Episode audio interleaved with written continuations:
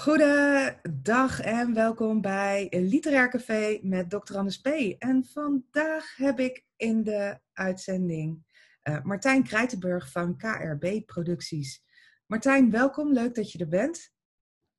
Ja, het is leuk om erbij te zijn. Ja, top. En uh, nou, we gaan, uh, we gaan wat vragen doornemen, we gaan wat keuzes doornemen en ja, we gaan, gaan zien waar het uitkomt. Dus oké.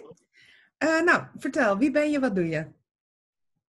Mijn naam is uh, Martijn Krijtenburg, inderdaad eigenaar van uh, KRB Producties, een filmproductiebedrijf die zich vooral richt op storytelling, in de breedste zin van het woord.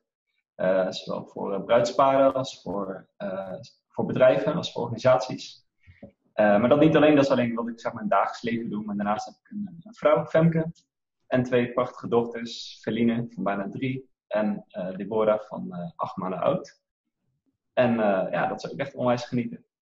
Ja, leuk. Um, nou, in deze podcast uh, met interviewers leg ik altijd wat keuzes voor. Uh, dus uh, we gaan eens even kijken welke keuzes jij, jij maakt. En dan kom ik daar misschien later nog even op terug. Oké, okay, um, korte verhalen of een trilogie? Korte verhalen. zakelijke literatuur of fictie? Zakelijke literatuur. Uh, boek of boekverfilming? Ja, dat wordt je lastig, hè? Ja, lastig. je mag straks uh, mag je terugkomen, hè? Mag je het nuanceren? Uh, ga ik voor een boekverfilming. Oké. Okay. Papieren boek of e-book? Papieren boek.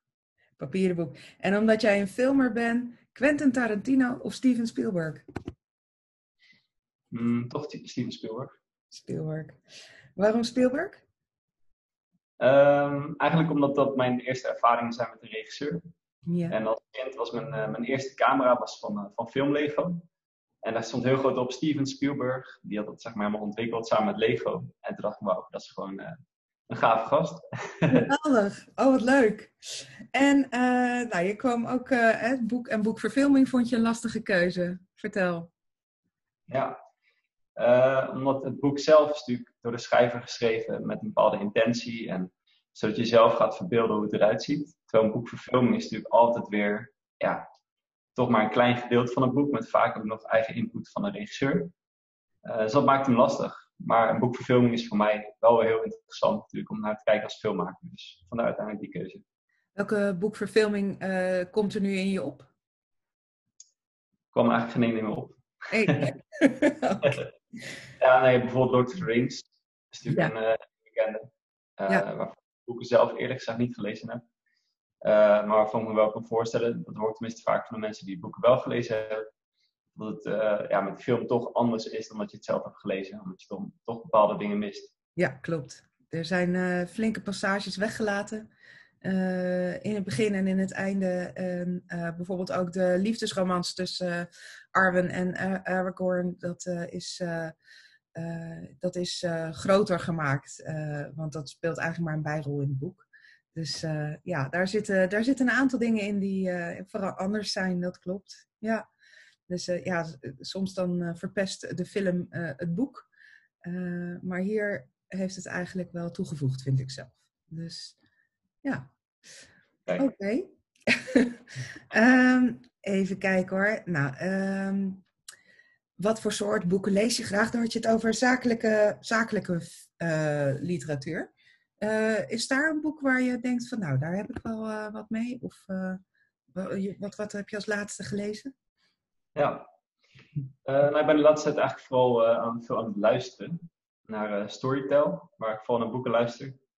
Um, omdat ik gewoon merk dat ik gewoon niet veel toekom aan lezen. Dat is natuurlijk ook maar gewoon een excuus, dat weet ik. Maar aan de andere kant zit ik heel veel in de auto. En op een gegeven moment dacht ik van, nou ja, als ik toch in de auto zit, kan ik beter gewoon lekker een boek gaan luisteren. En ik was heel benieuwd hoe dat zou zijn. Omdat uh, je dan natuurlijk uh, ja, ook moet concentreren op de weg. En je denkt van, nou, word ik snel afgeleid? Of vergeet ik heel snel dingen van het verhaal? Uh, maar het valt me eigenlijk best wel mee dat je nog best wel veel onthoudt. Omdat je gewoon lekker aan het luisteren bent. En op een gegeven moment zit je helemaal in het verhaal. en op dit, moment lees ik een, of luister ik een boek van over, uh, dat heet Mr. Amazon. En het gaat eigenlijk over het, uh, over het ontstaan van, uh, van Amazon. Met ah, Joe Bezos. Ja. En ja, dat is super interessant. En daarvoor heb ik een ander boek gelezen of geluisterd van Michelle Obama over Becoming. Ja. dat is natuurlijk niet echt zakelijke literatuur, maar dat vind ik ook heel interessant, omdat het echt over haar persoonlijk gaat en over hoe zij ja, daar is terechtgekomen waar ze nu is. En haar man ook natuurlijk. En uh, vooral dat soort boeken ook, vind ik ook echt super interessant. Als het echt gaat over mensen, over persoonlijke verhalen. Vooral voor mensen die, zeg maar, laag beginnen. Of in een lage sociale klasse. Of die eerst arm zijn geweest. Of die veel uh, moeilijkheden hebben meegemaakt. Ja, dat vind ik super inspirerend. Uh, ook voor mezelf. Om, ja, om altijd door te blijven gaan. En dat motiveert me ook weer. Ook in mijn bedrijf, maar ook in mijn privéleven. Ja. Ja, want dat is uh, inderdaad die, die, die boeken hè, van, met de levensverhalen. Je had het net ook al over storytelling. Um, uh, wat, wat versta jij onder storytelling? Ja, goede vraag. Is natuurlijk een, uh, een woord die pas en te onpas wordt gebruikt tegenwoordig. Alles tegenwoordig storytelling. maar wat ik er zelf onder zie is ja, vooral echt oprechte verhalen. Waar de mensen echt gemotiveerd worden, geïnspireerd en soms ook worden aangezet tot actie. Um, en dat is, dat is heel breed. Uh, maar dat is juist ook wel weer het mooie ervan. Het ene verhaal is niet hetzelfde als het andere verhaal. Zoals wat ik al zei, ik film ook voor bruidspaden. En uh, dat is natuurlijk een heel ander verhaal dan weer iemand die een eigen onderneming heeft. Ja. Maar aan de andere kant ook weer niet. Want ook, het zijn allebei personen, allebei mensen die, die iets doen. Of je nou een heel groot bedrijf hebt of een klein bedrijf. Um, ja, je hebt, je hebt je persoonlijk verhaal. Je neemt verhalen mee je bedrijfscultuur. Um, dus ja, daarom blijf je gewoon verhalen vertellen. Uh, en dat is in het kort wat ik zie onder, onder storytelling. Ja, oké. En uh, nou ja, je bent zelf ook een boek aan het schrijven. Uh, niet geheel toevallig bij mij. En je, hebt, je hebt daar ook inderdaad, zet je daar je persoonlijke verhaal in, wat ik echt een prachtig verhaal vind. Um, en hoe, hoe ga je dat, hoe, hoe, hoe zie jij het om uh, om, om jouw persoonlijke verhaal zelf in een boek op te schrijven. Hoe vind je dat? Ik geloof echt in dat het goed is als mensen zich kwetsbaar ook durven op te stellen. Uh, dat betekent niet altijd de moeilijke dingen, maar ook gewoon de mooie dingen. En gewoon, gewoon de eerlijke dingen over jezelf vertellen. Um, waar ik alleen nog aan het zoeken ben in mijn boek ook, is van um, in hoeverre wil ik het helemaal mijn verhaal laten zijn? Of in hoeverre um, ja, wil ik ook heel veel andere literatuur bij betrekken. Of andere onderzoeken.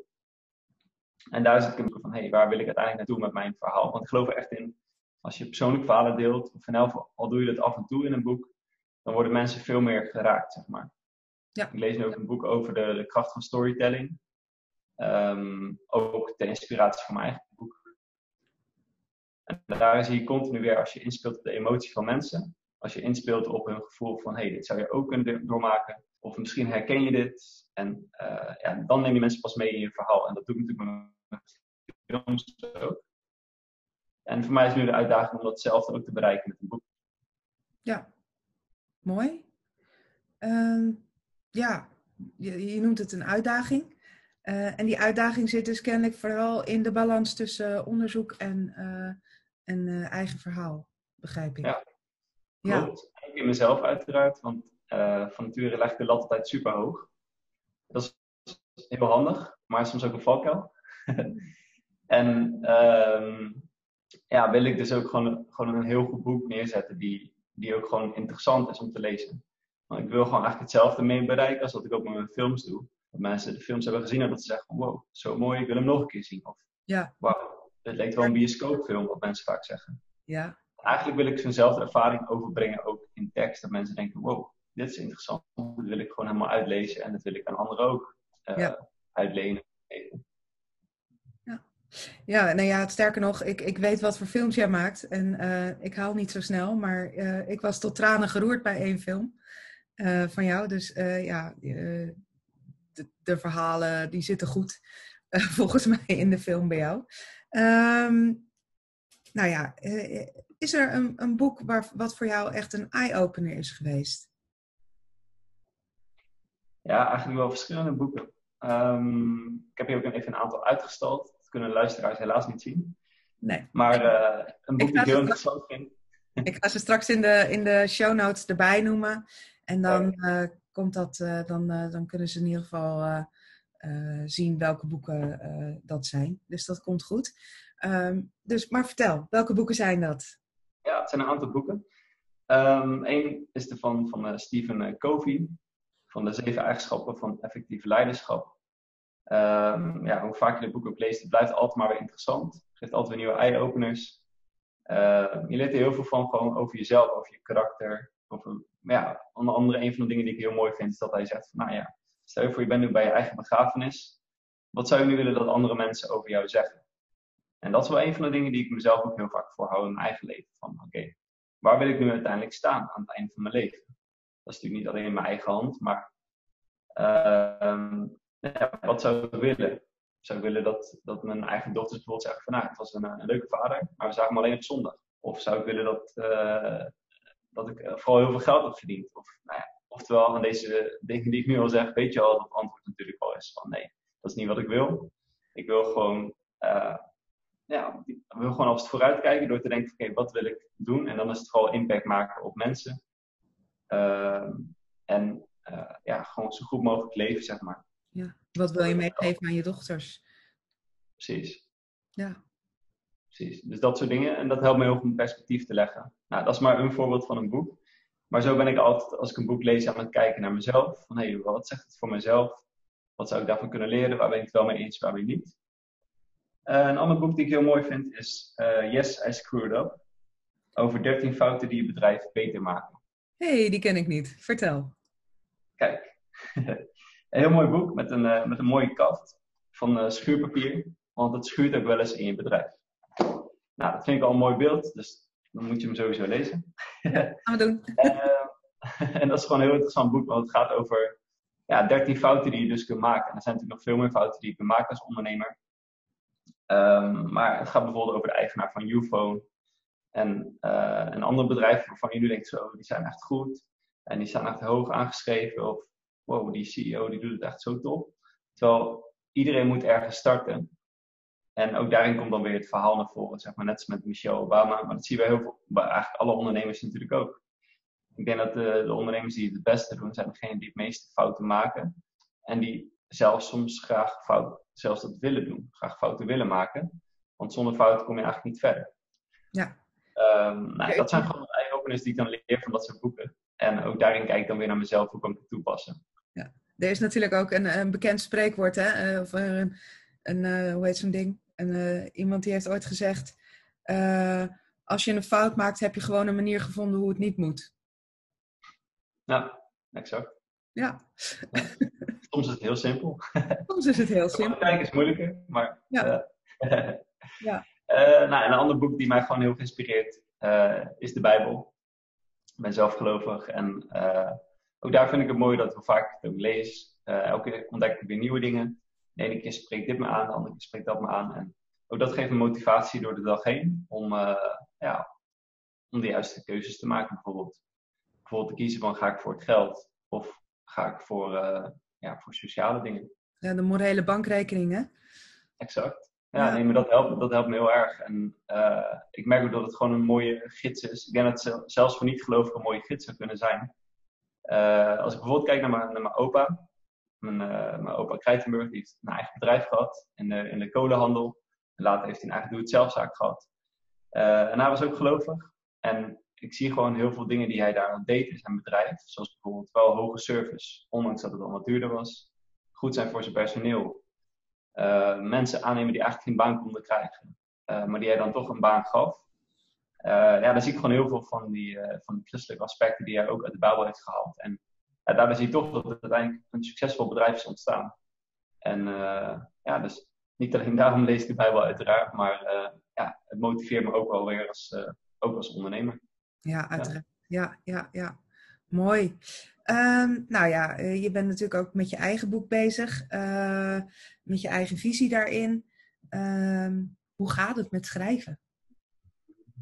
Ja, diepe zucht. Dat is nog uh, pittiger dan gedacht. ik wist al dat... Uh... Sorry? Waar loop je tegenaan bij het schrijven? Um, ik merk dat het heel moeilijk is om een vast moment te prikken om te gaan schrijven. Omdat mijn werk als videograaf gewoon zo variabel is. Het is niet elke dinsdag dat, elke donderdag dat. Ehm, en omdat ik gewoon met heel veel dingen tegelijkertijd bezig ben die ik allemaal heel leuk vind. Uh, maar die ook allemaal gewoon veel tijd en energie vragen. Dus dat is eigenlijk vooral wat ik merk als ik een, uh, echt een dagdeel er goed voor ga zitten. Dan ja, moet ik er soms even inkomen, maar dan na een tijdje gaat het steeds beter. Um, dus dat is het ook wel. Uh, plus ook wat ik zei, de lat die ik best wel hoog leg. Ja. En wat, wat me ook kan tegenhouden om, om het te schrijven. Van, ja, vinden mensen het wel interessant? Is het nog wel boeiend genoeg? zonder dat ik daarin onzeker ben. Maar gewoon ja, die vraag stel je continu af. Weet je wel. Wat, wat hebben mensen eraan dat ze dit moeten lezen? Mhm. En ook de balans tussen, uh, ik wil niet dat het een verkooppraatje is. Aan de andere kant vertel je natuurlijk wel dingen over je eigen zaak. Dus dat mag ook allebei, maar ook dat moet weer een goede balans zijn. Ja. En uh, gelukkig een hele goede schrijfcoach. Diegene die aan de andere kant van deze lijn staat. uh, dus dat helpt, maar het is, het is een pittig proces. Ja, ja, ik vind het wel super stoer dat je het doet. En dat je deze dingen ook durft te delen. Ehm, want ik denk dat een hele hoop andere mensen hier ook tegenaan lopen. Van is het nog wel interessant genoeg? Wat vertel ik allemaal? Moet geen verkooppraatje worden? Ja, dat, is, dat zijn echt inderdaad allemaal dingen die, die denk ik meerdere mensen zich zullen afvragen. Um, dus het is, het is fijn om te horen van iemand die, nou ja, jij schrijft voor het eerst je boek. dus het is fijn om te horen dat, er, dat jij daar tegenaan loopt. Want dat zijn dat, ik denk dat meerdere mensen zich daarin kunnen herkennen. Dus dankjewel dat je dit wilde delen. Dat is uh, echt super fijn. Uh, nou, we komen een beetje bij het einde van deze, ehm, deze, deze podcast. En ik heb nog één vraag aan jou. En dat is, wat is jouw favoriete boek? Welke moet ja. ik lezen? Ja. Dat misschien even... Ja, ik heb natuurlijk al een aantal genoemd. Dus nou, als ik zeg mijn favoriete boek is dat, uh, is dat de Bijbel. Omdat ik daar dus heel veel inspiratie uit haal. Uh, en de andere dingen die ik net ook vertelde. Maar ook nog, om nog even andere boeken bij te pakken. Ehm, ik heb bijvoorbeeld het boek gelezen van Joel C. Rosenberg. Het, het derde doelwit. Um, ik weet niet of die schrijver toevallig kent. Maar ik vond het echt een heel interessant boek. ik gaf wel aan dat ik heel graag zakelijke literatuur lees. Uh, maar eigenlijk hou ik ook heel van gewoon een mooie roman waarin ik word meegenomen. Zodat ik juist even ook lekker afstand kan nemen van al het werk. En niet hoef te denken, what's in it for me? Ja. En uh, dit is gewoon een heel spannend boek. En ja, echt een aanrader. Ah, top. Nou, super bedankt dat je erbij wilde zijn. Dat je vandaag tijd hebt vrijgemaakt in jouw drukke schema om in deze podcast aanwezig te zijn. En hartstikke leuk dat je er was. Ja, superleuk dat ik erbij mag zijn. En Gaaf dat je dit doet. Ja, dankjewel. En dit was alweer de zevende aflevering van, of de achtste al, van Literair Café met Dr. Anders P.